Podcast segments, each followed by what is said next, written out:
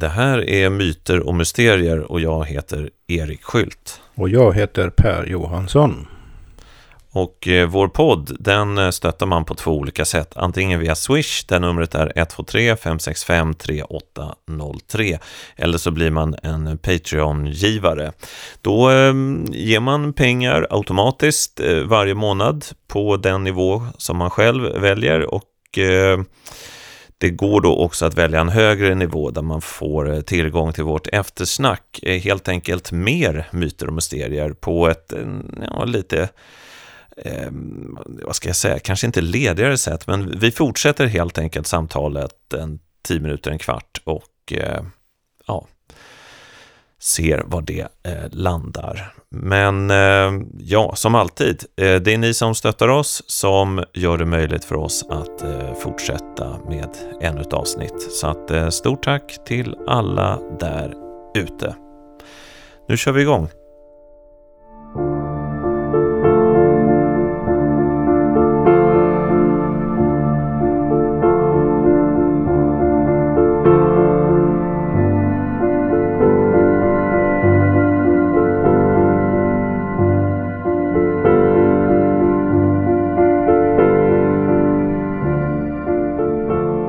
Jag är på vårt eh, landställe i Dalarna idag. Och eh, här har vi som, eh, vi har ett rum som vi kallar för, för biblioteket. Där det har hamnat massa böcker från, ja men det är liksom hela släkten och familjens böcker. Men det är också ganska mycket från min barndom. Och jag gick runt här uppe på ovanvåningen eh, för några dagar sedan och så hittade jag en bok som eh, jag hade nästan glömt bort att den fanns, men där stod den. Eh, en av de böcker som påverkat mig allra mest kanske.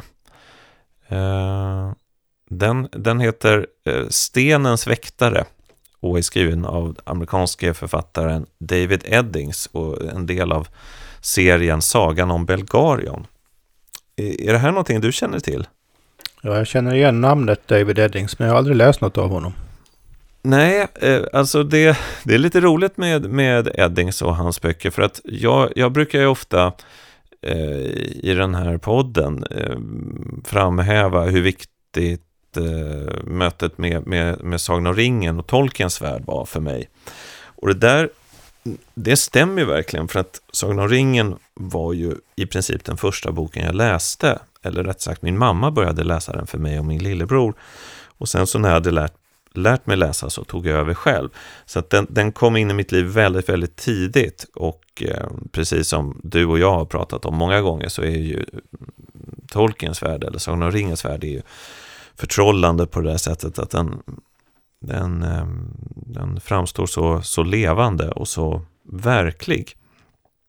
Eh, men den här eh, David Eddings bok då, Stenens väktare, eller Sagan om Belgarion, eh, det här är liksom tonårsfantasy skulle jag säga. Det är inte, om man säger sådär, mm, Tolkien, det finns ju vissa som, som kanske skrattar åt honom, men, men på det stora hela så är det ändå stor litteratur och liksom eh, eh det låter rätt bra när man säger att man har berörts av, av Tolkiens verk i tidig ålder. Men David Eddings, han, han är liksom en mycket enklare, mer kommersiell författare. Jag har aldrig träffat någon egentligen som, som säger att den har blivit så djupt berörd av de här böckerna. Jag har träffat några som har läst dem som säger att ja, de var bra. Men, men att, att bli djupt berörd, ja, det är helt enkelt en, en ganska enkel fantasyberättelse. Men när jag då började läsa den här, jag tror jag var i 13 års ålder, och det skedde också eh, här på vårt landställe i Dalarna samtidigt som pappa målade om toaletten. Så att jag har sånt här konstigt luktminne. Att när jag tar fram den här boken då, då känner jag nästan doften av den här färgen som kom från toaletten. Alltså. Så det, och jag läste den, den, den gick snabbt och jag tror jag läste ut den på en eller två dagar. Och den gjorde ett enormt intryck på mig. För det här var, och jag minns att jag sa till mig själv efteråt att det här var egentligen en större läsupplevelse än Sagan om ringen det här passade också tonåringen mycket bättre. Det här är en värld, det är en total fantasyvärld, ganska lik Sagan om ringens värld. Men det är liksom fokus på relationer på ett annat sätt. Det är inte, det är inte som i Tolkiens värld enbart män, utan det är kvinnor, det är kärlek, det är tonårsförälskelser. Jag upplevde det som att det var mer levande. Men framför allt, och det är det jag tänkte vi skulle prata om idag.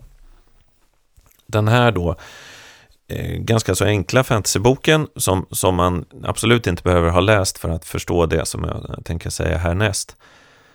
Den är en saga i dess mest fundamentala form. Den handlar om en eh, enkel pojke som tillsammans med en äldre släkting, en äldre kvinna, växer upp i ett kök på en bondgård. Han är då, han kallas för Garion och är världens mest alldagliga person. Men någonting händer. Eh, han kastas ut i ett otroligt äventyr. Och eh,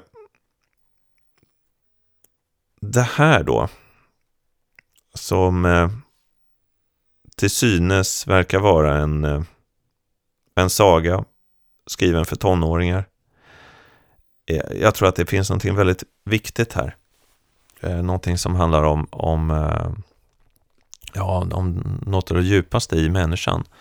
Och också någonting som vi kanske framförallt i vår tid hela tiden riskerar att tappa bort. Och någonting, när det här då är borttappat, eh, gör oss väldigt olyckliga. Och det är att Tänk om sagan är sann. Tänk, tänk om det är så att alla människors liv faktiskt inte bara kan vara, utan bör vara ett äventyr. Det är något märkligt med de här, eh, vad ska man säga, de mest ursprungliga sagorna. Ehm, det här finns ju beskrivet hos, du vet den här mytforskaren som blev så populär på 1900-talet, Joseph Campbell. Han har ju skrivit om A Hero's Journey. Ja. Han är väl ganska influerad av Jung, tror jag. Ja, ehm. det, det har jag för mig också. Det var jättelänge ja. sedan jag läste den boken, men jag känner mm. väl till den. Den refereras det... ju väldigt ofta när man pratar om sånt du in, kommer in på nu. Verkligen, och det sägs ju att eh, George Lucas när han skulle göra Star Wars så hade han ett helt hopplöst manus. Eh, men sen kom han i kontakt med Joseph Campbell och de, träffade, de träffades till och med. Så att eh, Campbell blev någon slags eh, hemlig eh, manusutvecklare. Och då skrev George Lucas om hela första Star Wars-berättelsen utifrån de här principerna, mer mytologiska principer. Och då blev det den här starka sagan som, som vi, vi mm, sen fick ta del av i, i filmerna. Och eh, man, man, kan göra en liten eh, parallell där faktiskt till, till Tolkiens värld. För att eh, eh Sagan om ringen, alltså Lord of the Rings, de tre böckerna, de, de har drag av eh, A Hero's Journey, men är inte det fullt ut. För att eh, huvudpersonen Frodo då, han som vi eh, omtalade ganska, vi pratade rätt mycket om det när vi gjorde de, eh, de här programmen om, som vi kallar en hel serie för sagorna. Eh, han kastas liksom in i berättelsen senare. Eh, det är ganska så mörkt redan från början. Han får liksom ringen i sin hand och han, han förstår att det här är någonting eh, någonting eh, allvarligt och fasansfullt. Men enligt Campbell så skulle då The Hobbit, eller Bilbo, boken som kom tidigare, den skulle vara mer eh, A Hero's Journey. För det viktiga är att det ska börja i total stiltje. Och det ska börja i, mm, ja, egentligen en, en väldigt bekväm tillvaro. Eh, så är det för Bilbo i början av The Hobbit. Han sitter där i sin håla, eh, kokar sitt te och eh, har det egentligen väldigt bra. Det finns inget fel i hans liv, utan det är i balans och han är tillfreds och eh, allting är ordnat. Och eh, det skulle man kunna säga att samma sak råder då i David Eddings bokserie. Att den här pojken, han, han är i det här köket, allting är egentligen bra. Det är tryggt, som barnets värld förhoppningsvis är tryggt. Men någonting behöver ändå ske. Och eh, i Bilbos värld så är det ju då den här trollkarens eh, korta knackning på dörren som bjuder, bjuder in huvudpersonen till ett stort äventyr. Och i, i David Eddings böcker så är det någonting liknande. Det faktiskt kommer en, visar sig sen att han är en trollkarl till den här gården. Och eh, han har ett budskap från den större världen som då den lilla pojken, eh, han kastas ut i den här, den vildare, eh, farligare världen. Och jag vet inte riktigt varför jag eh, har, varit, har tänkt så mycket på det här eh, just den här sommaren. Men jag gissar att, att, att det är någon typ av självreflektion som det handlar om. Att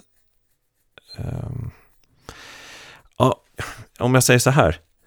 Jag börjar känna mig redo för att, för att, för att på något sätt uh, ge mig ut i, i uh, följa med trollkaren och de tretton dvärgarna.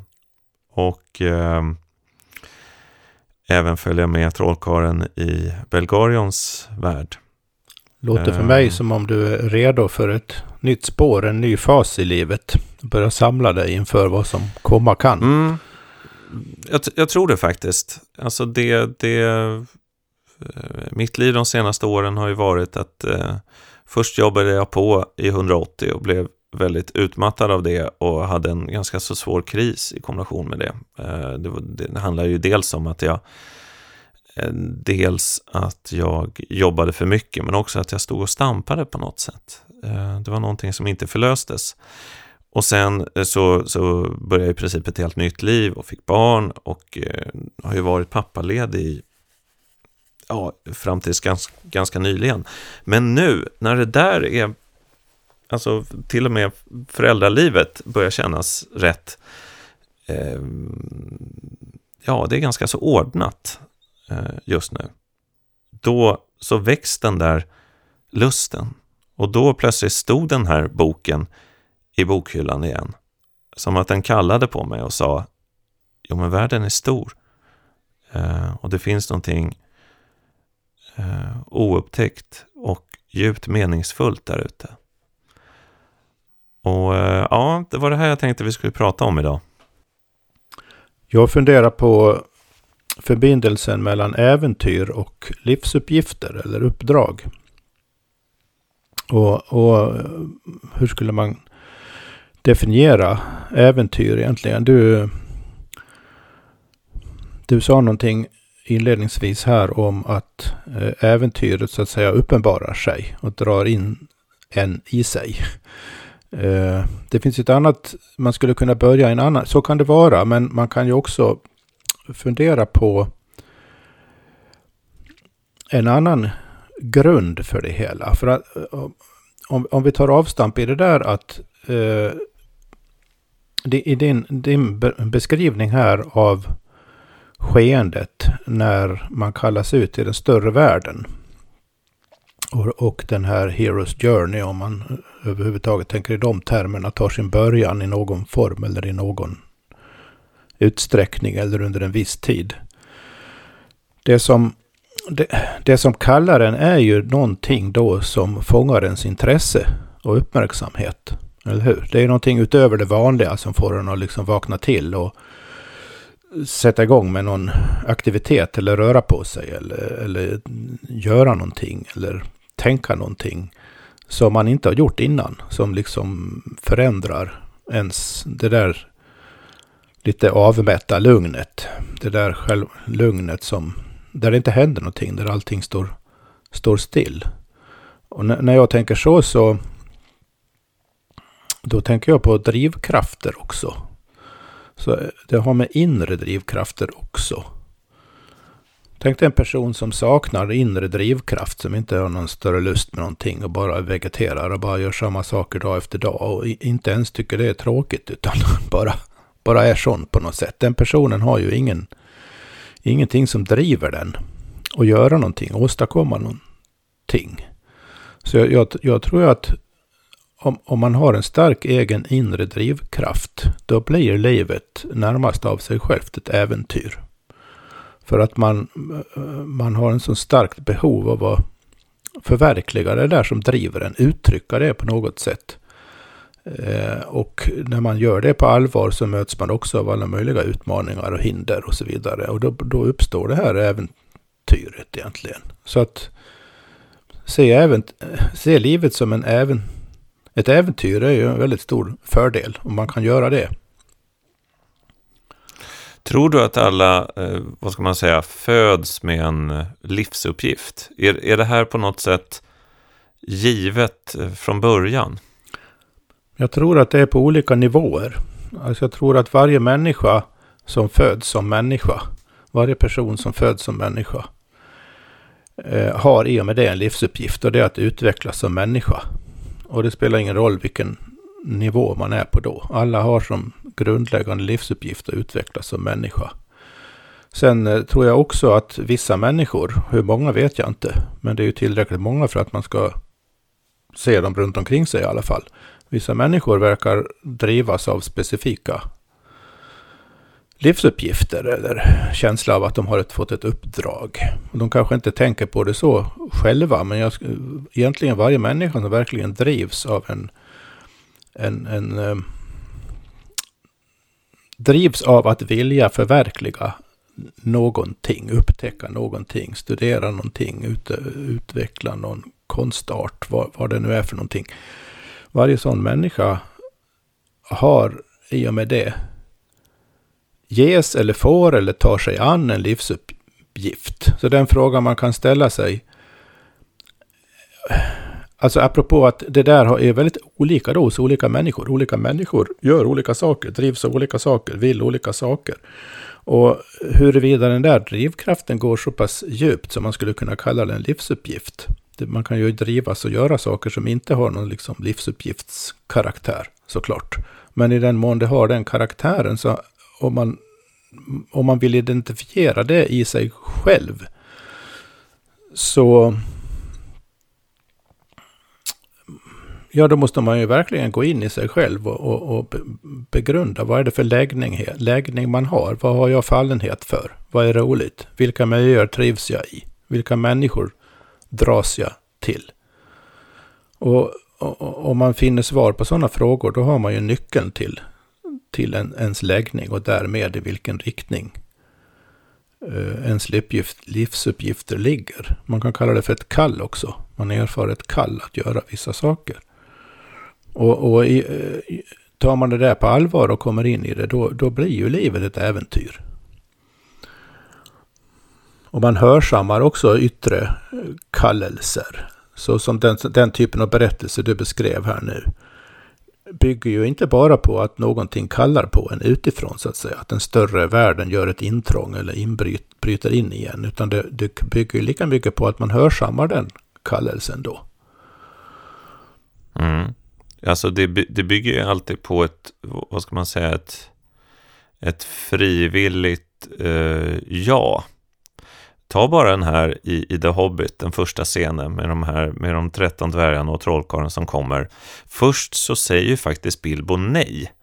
Eh, han, eh, han tycker det här verkar för jobbigt att eh, bege sig mm, iväg till det ensamma berget och eh, möta den här draken.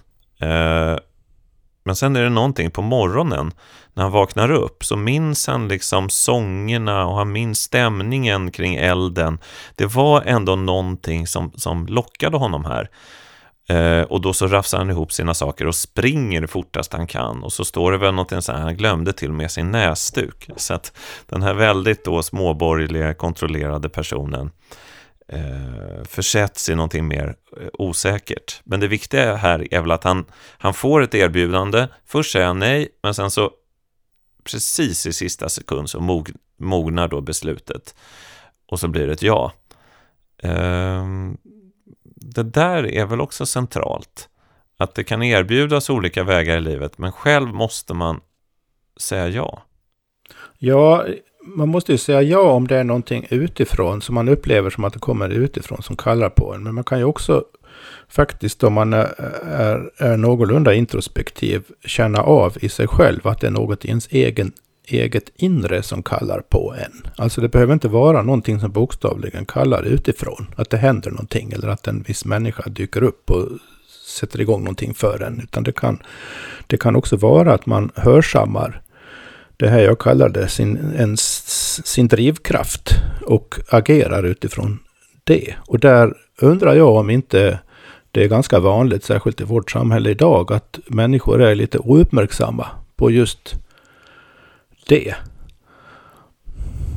Jag tänker mm, också att ja. från, från rent metafysisk synpunkt, så om vi lämnar sagans värld här nu då, som har någon sorts mönster, eh, paradigmatisk eh, betydelse och mening när man pratar om sådana här saker. Jag, jag, kan säga något om det också sen, va? Men, men det finns ju en, en realitet här. Det är det faktiska livet man verkligen lever. Vem man, vem man faktiskt är, vem man faktiskt kan bli.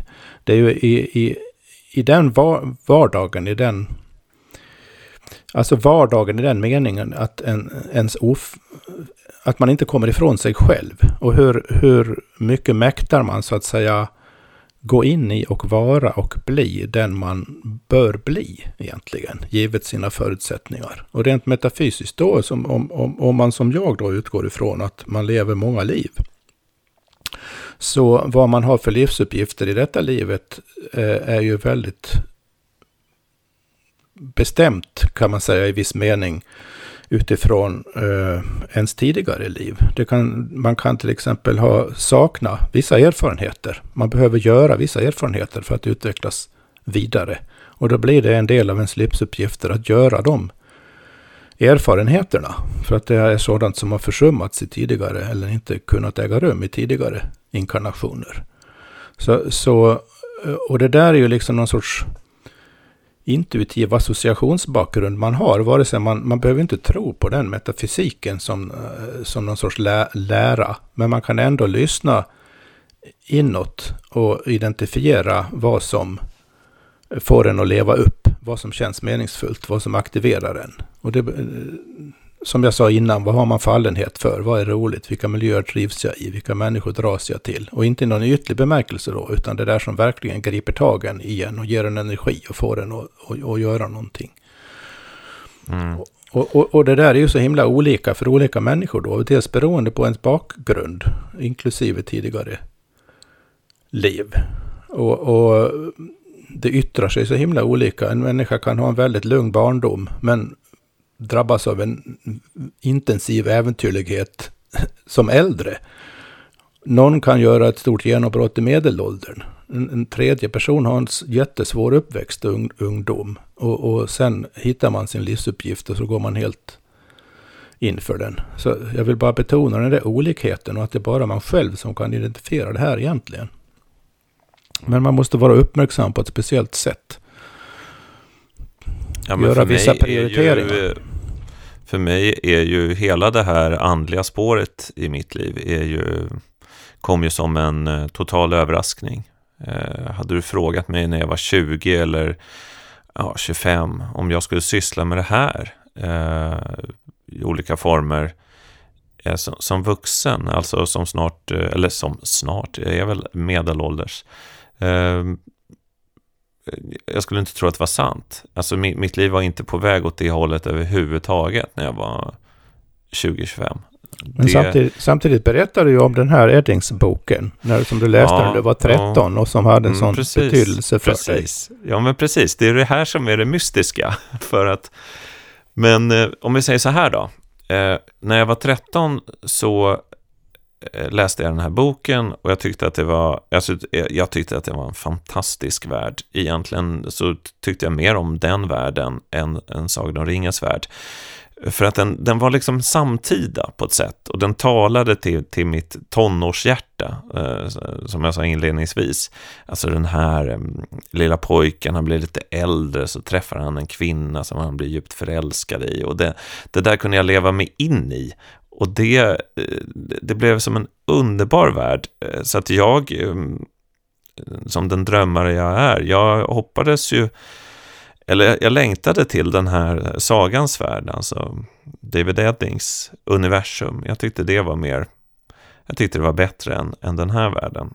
Så att under många, många år så så skilde jag ju på alltså, fantasin eller sagans värld och eh, det vanliga livet. Och det var väl det som var den andliga öppningen, att, att jag började ana att, nej men vänta nu, tänk om, tänk om de här två världarna har i alla fall någon typ av förbindelse. Och tänk om, om, om det, där går att, det där går att utforska på något sätt. Uh, och, och, då började ju en, en annan resa som, som uh, ja, i mitt fall i alla fall, de, den här podden är ju som en sån dagboksberättelse från den resan på många sätt. Uh, men det, jag hade inte trott på det, att, att, att det här skulle vara en, en, del, en stor del av mitt liv i vuxen ålder, om du hade frågat mig.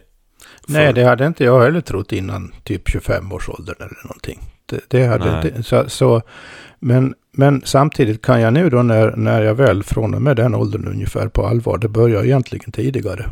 Uh, jag kan just, det är det som är så intressant, att, att om man, när man eh, väl har kommit in på en väg som man känner, det här är den väg jag måste gå, det här är det jag måste göra, det här det är det här jag måste upptäcka, det är det här jag måste försöka uttrycka, vad det nu är för någonting. När man väl börjar bli medveten om, om, om det på ett starkt sätt och alltså börjar identifiera sin, eh, sin livsuppgift eller sina livsuppgifter i vissa avseenden. Det, det kan ju finnas andra sidor också. Nu betonar vi det, jag det här för resonemangets skull med saker man behöver göra och åstadkomma och påverka eller någonting. Men det finns ju andra sidor av livsuppgifter som, som eh, har med relationer att göra och som är mycket mer personligt och utvecklar en på ett mycket intimare plan så att säga än, än de här, det andra som har med mera har med yttre aktiviteter att göra. Det där hänger ju ihop på olika sätt men jag tror det är lättast eh, eh just i förhållande till äventyr och, och sådant att prata om eh, de här eh, saker som måste som märks även för andra än de man är djupt personligt eh, involverad med. Mm. Är du mm. med på hur jag menar den här distinktionen? Mm. För att eh, apropå relationer, det, det, då, då, får man tala om det på ett lite annat sätt, eh, tror jag. Men om man pratar om livsuppgifter så, så har de... Man kanske kan säga att det finns två kategori, huvudkategorier av livsuppgifter. De ena handlar om vad saker man behöver göra det andra handlar om vad man behöver eh, förstå om sig själv. Och där är relationer det viktigaste. De hänger ihop, de går egentligen inte att skilja från, från varandra eftersom eh, även, även att göra saker på rätt sätt i anden, skulle jag säga, eller rätt sätt. Saker och ting behöver göras i anden och för anden. Andens utveckling i en och genom en. Men Eh, där spelar ju naturligtvis ens övriga karaktärsutveckling jättestor roll och där är relationer centrala. Så därför går det mm. inte att skilja på det. Men när vi pratar om det i det här programmet så behöver vi kanske hålla och betona vissa saker snarare än andra då. Mm. Och jag tror jag att det här, just det här med drivkrafter är så himla centralt. Apropå det där så, jag bara kommentera det också, apropå mm. det du sa om, om skillnaden eller likheten beroende på hur man ser det, mellan sagans värld och eh, vanliga verkliga världen. Det finns ju en, en, en gåta, en rent mänsklig allmän gåta här. Varför berättar vi saker för varandra hela tiden? Varför berättar vi om oss själva för oss själva? Vi berättar om oss själva för oss själva, berättar om oss själva för varandra. Vi berättar om allt möjligt för varandra. Det är nästan det enda viktigaste vi gör tillsammans hela tiden är att berätta saker och ting. Det är som om vi... Eh, det betyder att själva livet får i och med det en sorts berättelsekaraktär, oundvikligen. Och då, då kan man ju om man är liksom distan, har någon sorts distanserad eh, inställning till saker och ting säga att ja men vi, eh, vi är så funtade att vi konstruerar de här berättelserna för att annars står vi inte ut med att leva eller någonting i den stilen. Men jag tror det ligger mycket, mycket djupare än så. Jag tror att det, det här betyder att det hade inte varit så. Vi hade inte varit sådana. Vi hade inte varit så berättelsefixerade och berättelseberoende om det inte hade varit för att det är det enda verkligt, från mänsklig synpunkt, verkligt realistiska sättet att förstå världen på. Inklusive oss själva då. Så att allting är egentligen automatiskt eh, mm ingredienser i och intriger i en stor berättelse. Där våra enskilda liv är delberättelser i det hela. Mm. Och därför är alltså, det är därför sagor och berättelser av den digniteten griper an, griper oss så starkt. Mm. För att vi känner av det där. Det är alltså det, det är man måste nå dit här, ner där eller hur man ska säga, för att verkligen uppleva livets inbyggda meningsfullhet också. Mm.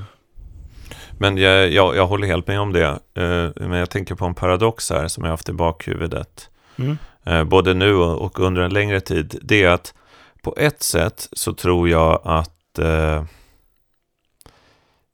Alltså vi lever ju en tid då man behöver inte bara förflytta sig till sagans eh, eh, värld. Jag eh, satt och pratade bara med en kompis för några dagar sedan, liksom, hur det hade varit, vilka hade vi varit om vi hade liksom varit födda på typ eh, 20-talet, eller 10-talet, så vi hade liksom varit i, i vår eh, mest, eh, vad ska man säga, potenta peri period på, säg 50-talet jag är rätt säker på att jag hade varit, i alla fall jag hade varit en, jag hade liksom varit med och byggt upp samhället på, på något sätt. Jag vet inte riktigt vad jag skulle haft för, för roll, men, men jag hade liksom varit med eh, i mitten och byggt upp samhället.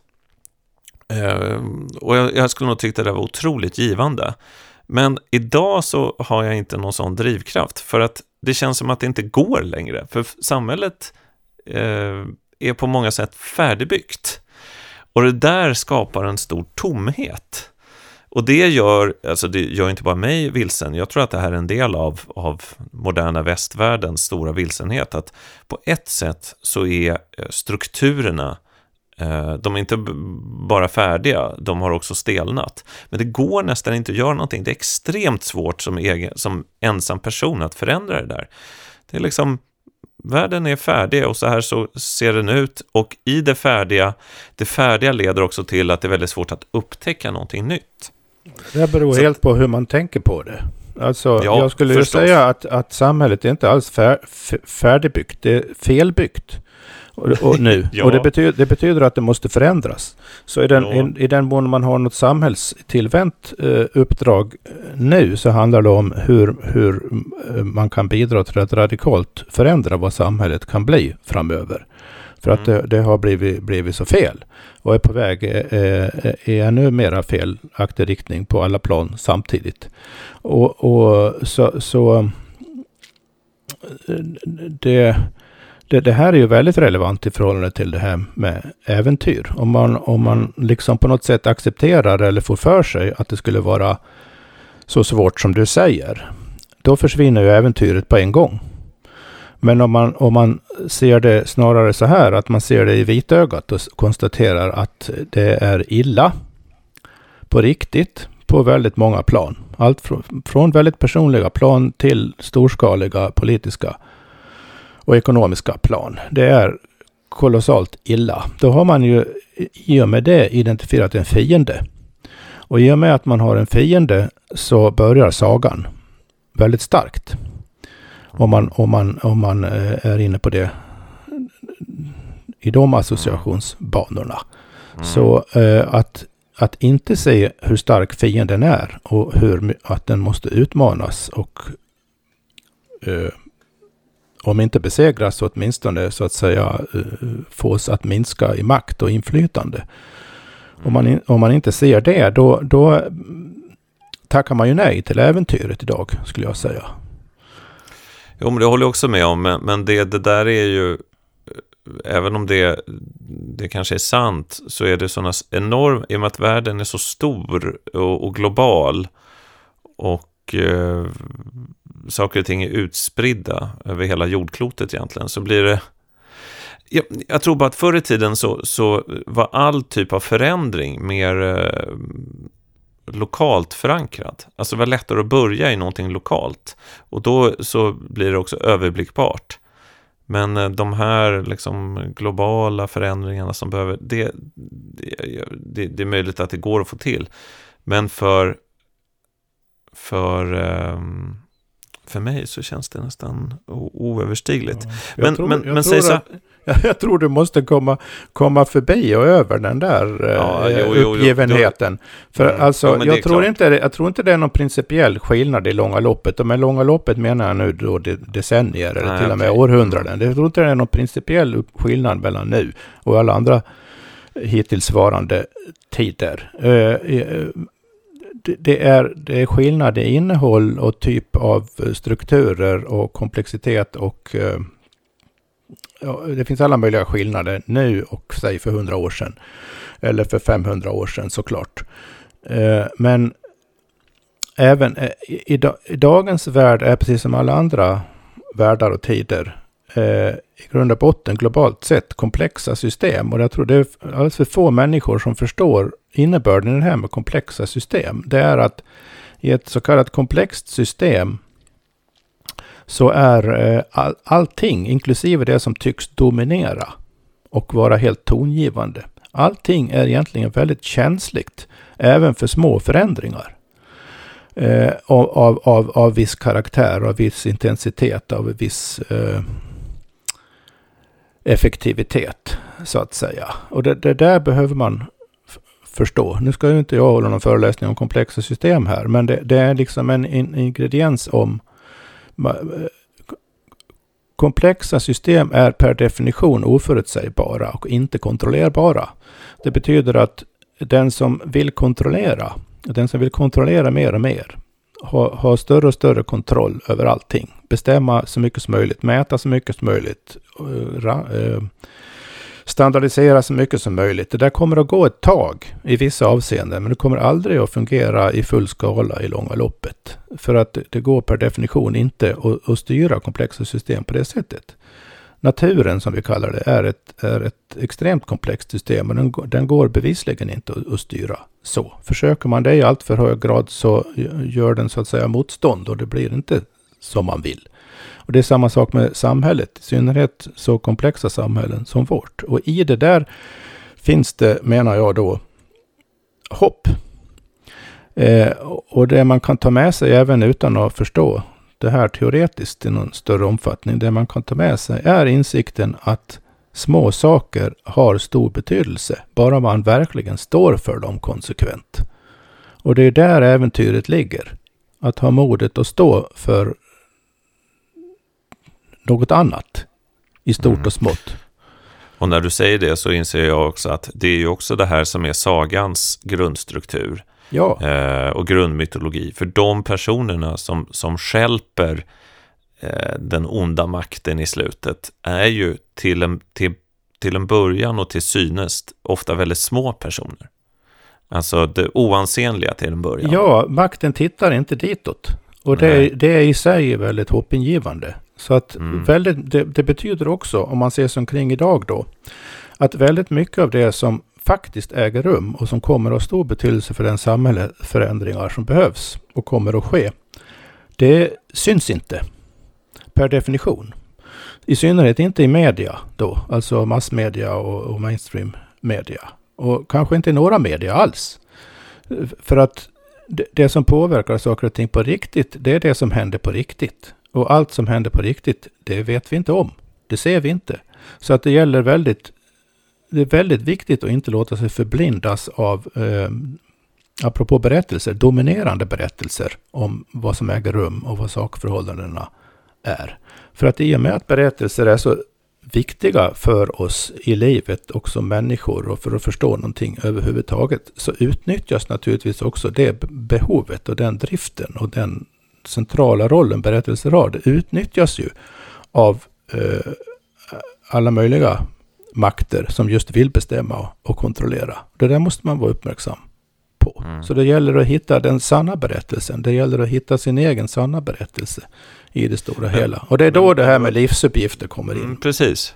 Men det är då jag skulle komma till det här som jag eh, för en stund sedan benämnde för paradoxen. För att på ett sätt så, så upplever nog många i alla fall, alltså delar min upplevelse, att eh, samhället är färdigbyggt, det finns inte så mycket att göra. Eh, det som finns kvar är ett individuellt eh, projekt förstås. att bygga, bygga sig ett gott liv. Alltså det, det finns ju kvar, men, men det är ju ganska det är en ganska ensam och dyster tillvaro. Ja, men då har man gett upp också, som jag säger. Ja, det, det, det skulle jag också säga. Det, det tror jag också leder till, till en typ av eh, hopplöshet i, i, i långa loppet. Om man bara gör eh, om, om, man bara gör det här för sin egen skull. Och eh, det, det tror jag inte håller. Men det märkliga är då, det är att på ett sätt så är då sagans tid över, i alla fall eh, så som det verkar vara. Samtidigt så dränks vi ju av, på sätt som, som kanske ingen annan tid har dränkts av berättelser. Alltså dels har vi ju det mediala trycket som hela tiden är närvarande med hjälp av eh, datorer och telefoner, alltså eh, nyhetsuppdateringar, eh, nyhetsflashar. Det händer alltid någonting. Alltså den typen av berättelser finns ju ständigt närvarande och mycket av dem bygger ju på, det vet vi av rent kommersiella skäl, att, att nyhetsrapporteringen bygger ju på känslor och rädslor och sådana saker. Så det är ena berättelsen.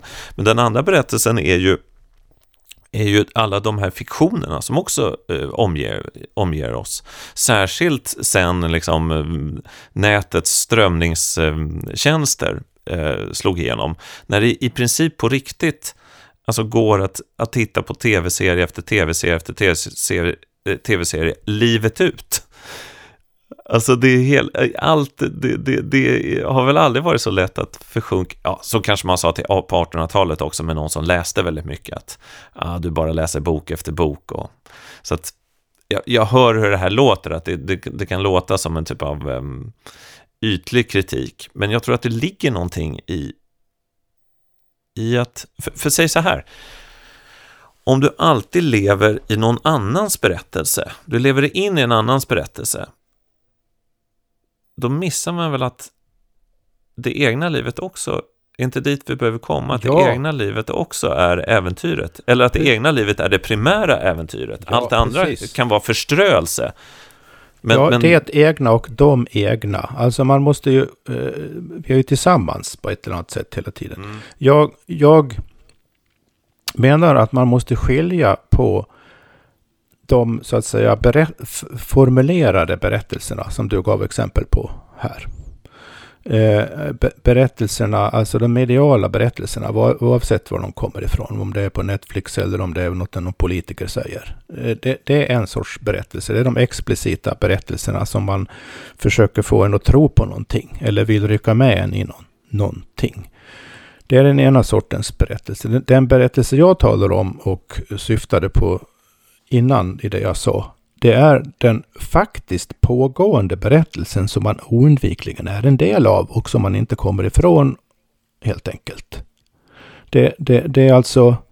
För, jag gör en väldigt stark utsaga när jag säger det här att livet är en berättelse. Det är att själva levandet som människa i sig i den här världen är att ingå i en stor kosmisk berättelse i brist på bättre ord måste man kalla den berättelse. Det vill säga, ännu bättre ord är egentligen drama. Vi är delar i ett drama.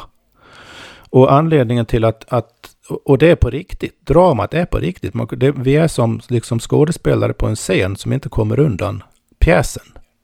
Det fin, vi, vi blir aldrig lediga. Eh, inte förrän vi lämnar scenen, det vill säga dör och, och, och, och får vila ett tag innan vi ska ner på scenen igen. Så det, det, det, det är den sortens drama jag menar. Och det är därför de här eh, djupare sagostrukturerna som vissa författare och filmmakare och andra lyckas mana fram och som griper oss så. Den, det är därför den djupare strukturen känns så otroligt relevant. Och kanske också provocerande starkt relevant så att vissa vill nästan ta avstånd från det. För vad är, vad är grundingrediensen i varje verkligt drama? Jo, det är kampen mellan gott och ont. Utan, utan någon form av kamp mellan gott och ont så händer ingenting finns det inget drama. Det vet varenda thrillerförfattare. Det vet alla som vill fånga intresse för någon som helst berättelse. Det måste finnas någon dramatik i det hela. Det måste finnas en, någon form av konflikt. Och den, den in, det där kan man konstruera på olika sätt då. I alla sådana här mediala och politiska och andra berättelser så kan man konstruera konflikter som inte som är missvisande eller fördärvliga på något sätt. Men i det själva levande, det är det vi har, det handlar om. Vi har pratat om i så många program om det, livet i anden och vad det innebär. Att följa ett andligt kall, att gå den smala vägen, det är att ge sig in i det här dramat. Mm. Varje timme i livet egentligen. Mm. Och acceptera mm. att det är, är, så, känna att det är, är, är, så. Det betyder inte att man liksom tankemässigt på något sorts egocentriskt vis går omkring och inbillar sig att man spelar huvudrollen i, i, i, i Sagan om ringen eller något liknande. Alltså, utan det, det är mera, mycket mer basal, på ett sätt faktiskt vardagligare känsla än så. Det, det, var därför jag sa det här innan med att, att för att finna sin livsuppgift i det här dramat så måste man verkligen identifiera sina behov och tendenser inne i sig själv. Vad är det egentligen jag har fallenhet för? Vad är det egentligen jag dras till? Vad innebär det? Och inte på något ytligt plan, utan det där som kan hålla en igång i månader och år. Mm. Men jag tänker det finns ett annat led här som, som jag har funderat på och det är, är risk. Mm. Alltså det, det, det, moderna samhället vill ju bygga bort väldigt mycket risk. Alltså det ser man till exempel, ja men jag som har börjat, äh, jag, jag, bara ger min ögonblicksbild här, den, den, det är andra som har kommit med den också, men det blir så tydligt när man blir förälder, när man kommer till lekplatsen, att eh, på alla eh, liksom ny, det finns lite, lite, gamla lekplatser som man kan liksom hitta på någon rastplats någonstans, de, de har inte det här, men på alla liksom upprustade eh, lekplatser så är marken liksom gummibeklädd. Och det är för att om barn ramlar ner från klätterställningen så ska de inte slå sig. Och det där på ett sätt så fattar man ju det, för jag är ju, jag är ju jätterädd att min dotter ska ramla, och, ram, ramla och slå sig. Och jag är nog alltför överbeskyddande och säger nej, nej, nej, klättra inte så där högt, nej, nej, nej, nej, nej, jag håller dig i handen. Eh, eh, men skulle hon ramla ner så är jag väl glad för den där gummimattan. Problemet är det, som andra föräldrar har iakttagit, är ju förstås att livet utanför lekplatsen har ingen gummimatta. Så att om man då växer upp med att det alltid finns en gummimatta som man kan dunsa ner i och inte slå sig, så kommer man bli otroligt skadad den dagen man ramlar ner från ett träd, där det bara var en klipphäll under. Eh, så att det här att bygga bort risk kan ju liksom vid en första anblick eh, kännas väldigt ehm, humant och snällt, men det finns också någonting Eh, Eh, bedrägligt i det. Det, det, är, det, det är ju rent ut sagt bara urbota dumt. Ren idioti faktiskt. Det kan, ju, det kan ju inte fylla någon, vad ska man säga, långsiktigt vettig funktion när det gäller människors uppväxt och, och, och allmänna lärande om livet. Som förälder till små barn som klättrar på klätterställningar på en lekplats får man ju vara beredd att ta emot dem om de ramlar och riskerar att slå sig innan de har blivit tillräckligt skickliga själva. Det ingår ju liksom i, i det hela. Men att, att, att, de, att, att eliminera alla möjligheter att slå sig är ju... Hur ska man då kunna lära sig att undvika att slå sig? Mm. Men finns det inte någonting här med, med själva risktagandet? Att, att okej, okay, du säger att för, att för att en berättelse ska bli till så måste det finnas eh, gott och ont. Det måste finnas en spänning däremellan. Men det måste väl också hos uh, aktören finnas, man måste ta en risk. Eller hur? Ja, men det, det, man får se upp här nu då, så man inte, när man kritiserar sån här riskeliminering så får man se upp. Mm. Och, och, vi tog ju, du tog ju ett väldigt bra, men också på ett sätt trivialt exempel. Det finns ju alla möjliga eh, andra former av riskeliminering. Vi, vi, vi, det utmärker ju nästan hela samhällspolitiken på något sätt att eliminera så mycket risker på alla områden som, som finns. Och det, det, är ju lätt då när man med, med rätta kritiserar det där att hamna i motsatta uppfattningen på något sätt att det skulle vara att risker skulle ha något värde i sig, att, det, att ta risker är bra. Det blir ju helt galet. Det, det, det, är, där, det är därför Det är därför det, man måste skilja på vad som är, vad är det mest fundamentala här nu? Vi har pratat om äventyr, vi har pratat om livsuppgifter, vi har pratat om kall, andliga kall. Jag kan återvända till det. Men vi har pratat om äventyr, livsuppgifter, risker nu då. Vi, av de tre sakerna, vilket är det mest fundamentala begreppet eller innehållet, eller livsinnehållet här? Jag skulle säga att det är livsuppgifter.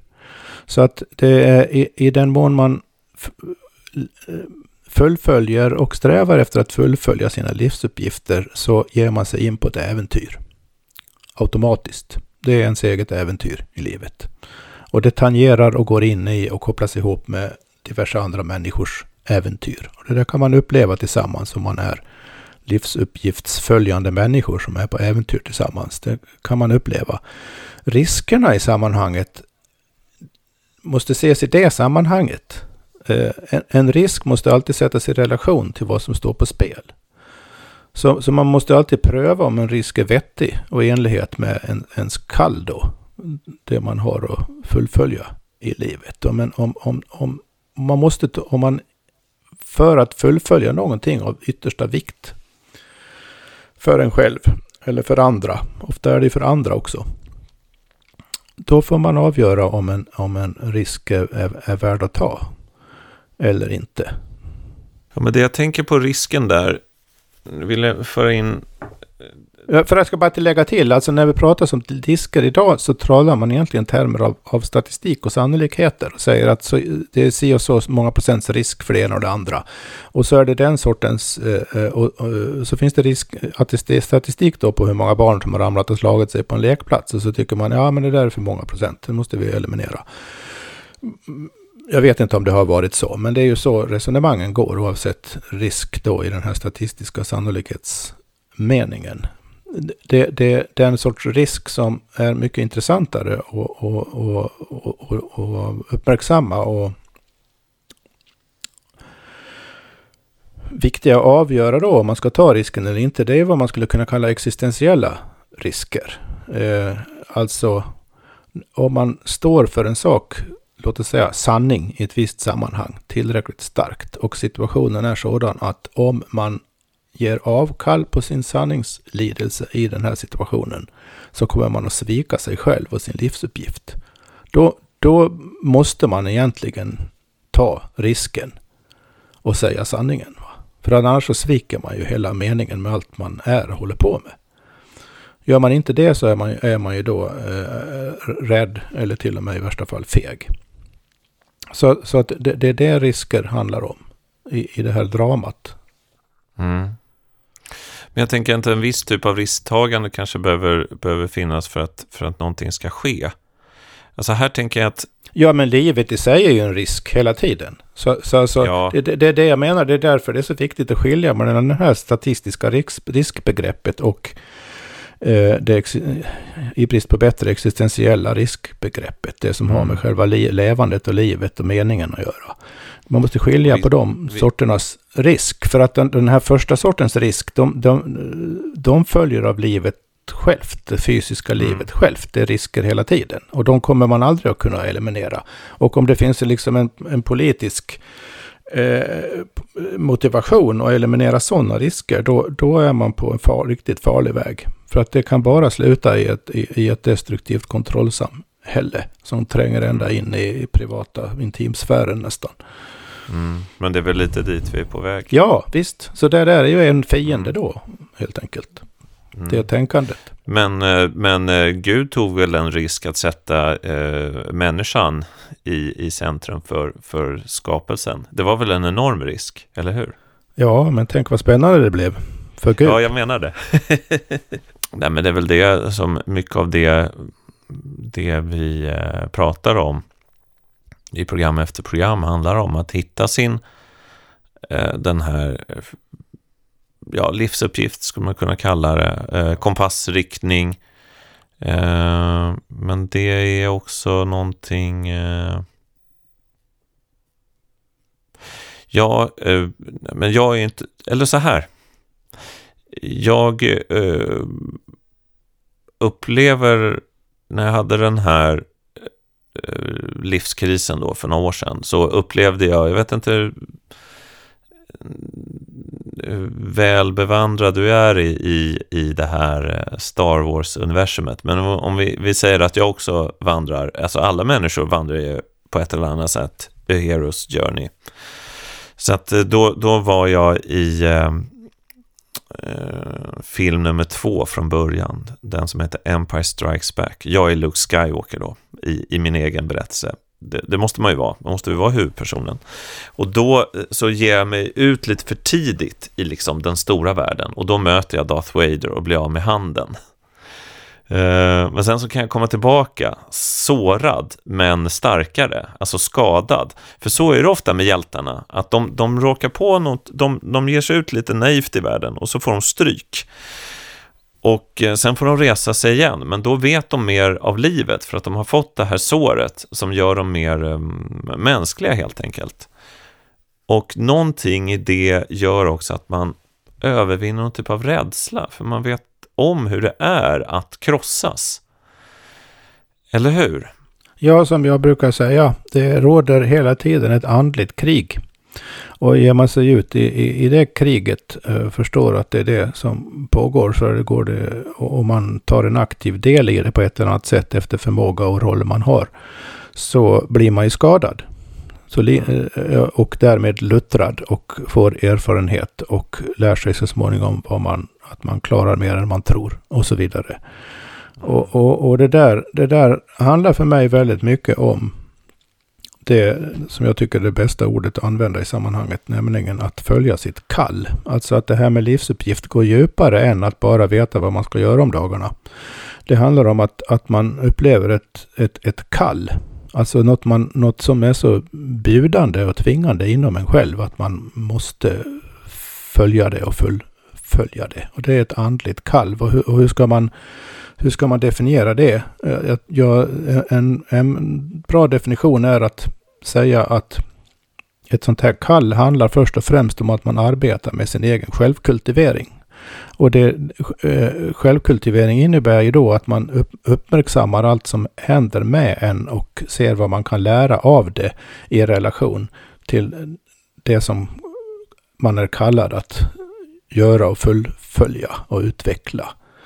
Så, så, eh, och, och då är ju skador då i det, i det andliga kriget som kan yttra sig på det mest vardagliga vis. Det behöver inte vara något dramatiskt. Det räcker ju att man blir sårad i, som person av någon anledning och behöver komma till rätta med sina känslor i något sammanhang. Det är självkultivering och det är också en skada i, i, i kriget. För eh, så, så småningom om man går vidare så blir man ju mer, mer, immun mot mera triviala skador så att säga. Och starkare och starkare i, i, i sin livsbana.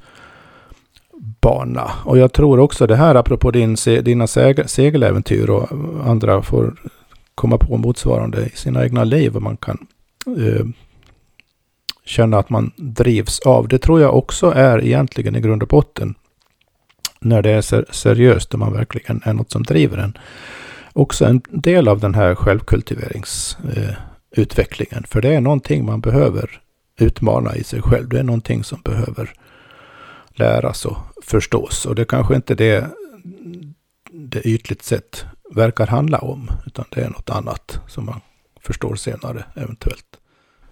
Men tänk om eh, allting går ut på att man ska bli skadad och sårad. Nej, det, alltså går, ju det, ut, det, går ju ut, det går ju inte ut på att man ska bli skadad. skadad. Det går ju ut på att man ska, ja, för att återvända till termer från andra program, att, man, att det gäller att hålla sig kvar. Man väl har uppmärksammat ett andligt kall och kommit in på en eller annan form av den smala vägen så gäller det att hålla sig kvar på den smala vägen för att det är det som utvecklar både en själv och anden eller Gud.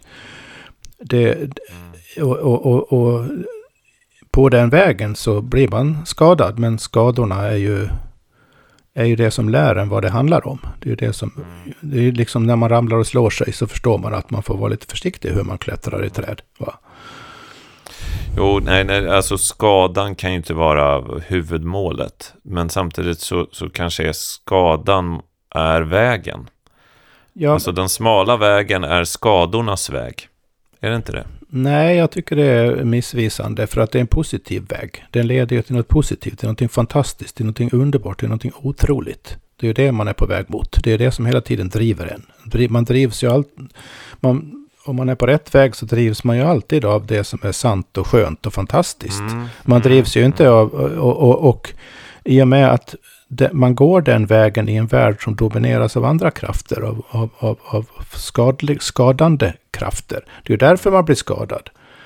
Så, så, och självkultiveringen handlar ju om att bli starkare och starkare i den ja, eh, men, men säg så här då. Så, att säga. så här, okej, okay, det är klart, hela människan eh, måste ju vara på väg mot, mot ljuset, om man säger så. Men eh, det som man skulle kunna kalla för egot, det kanske måste gå skadornas väg. Det är det som leder till, till uh, barmhärtigheten. Alltså den, den, den djupa medkänslan med, mm, med både sig själv och andra är väldigt svår att, att liksom tillskansa sig på en teoretisk nivå. Nej, ingenting av det här går att tillskansa på en teoretisk nivå, inklusive det du säger. Ingenting. Ja. Det, det är erfarenhets och förnimmelsebaserat alltihopa. Det är det som är grejen. Och, och ska, skadorna man har klarat av och upplevt och känt av innebörden i, vilken sorts skador det än är, är ju också grunden för, för den, som du är inne på, medkänsla man kan ha med andra. För att man, först, man, man det är bara om man själv har lidit som man kan förstå vad lidande innebär även för andra personer. Så att det har ju med medkänsla att göra på det sättet. Men det är ju varken, varken medkänsla i sig eller att, att, att vara skadad som är, är någon sorts drivkraft eller mening i sig. Utan det är ju effekter, konsekvenser av att man har, är, är ute på ett äventyr.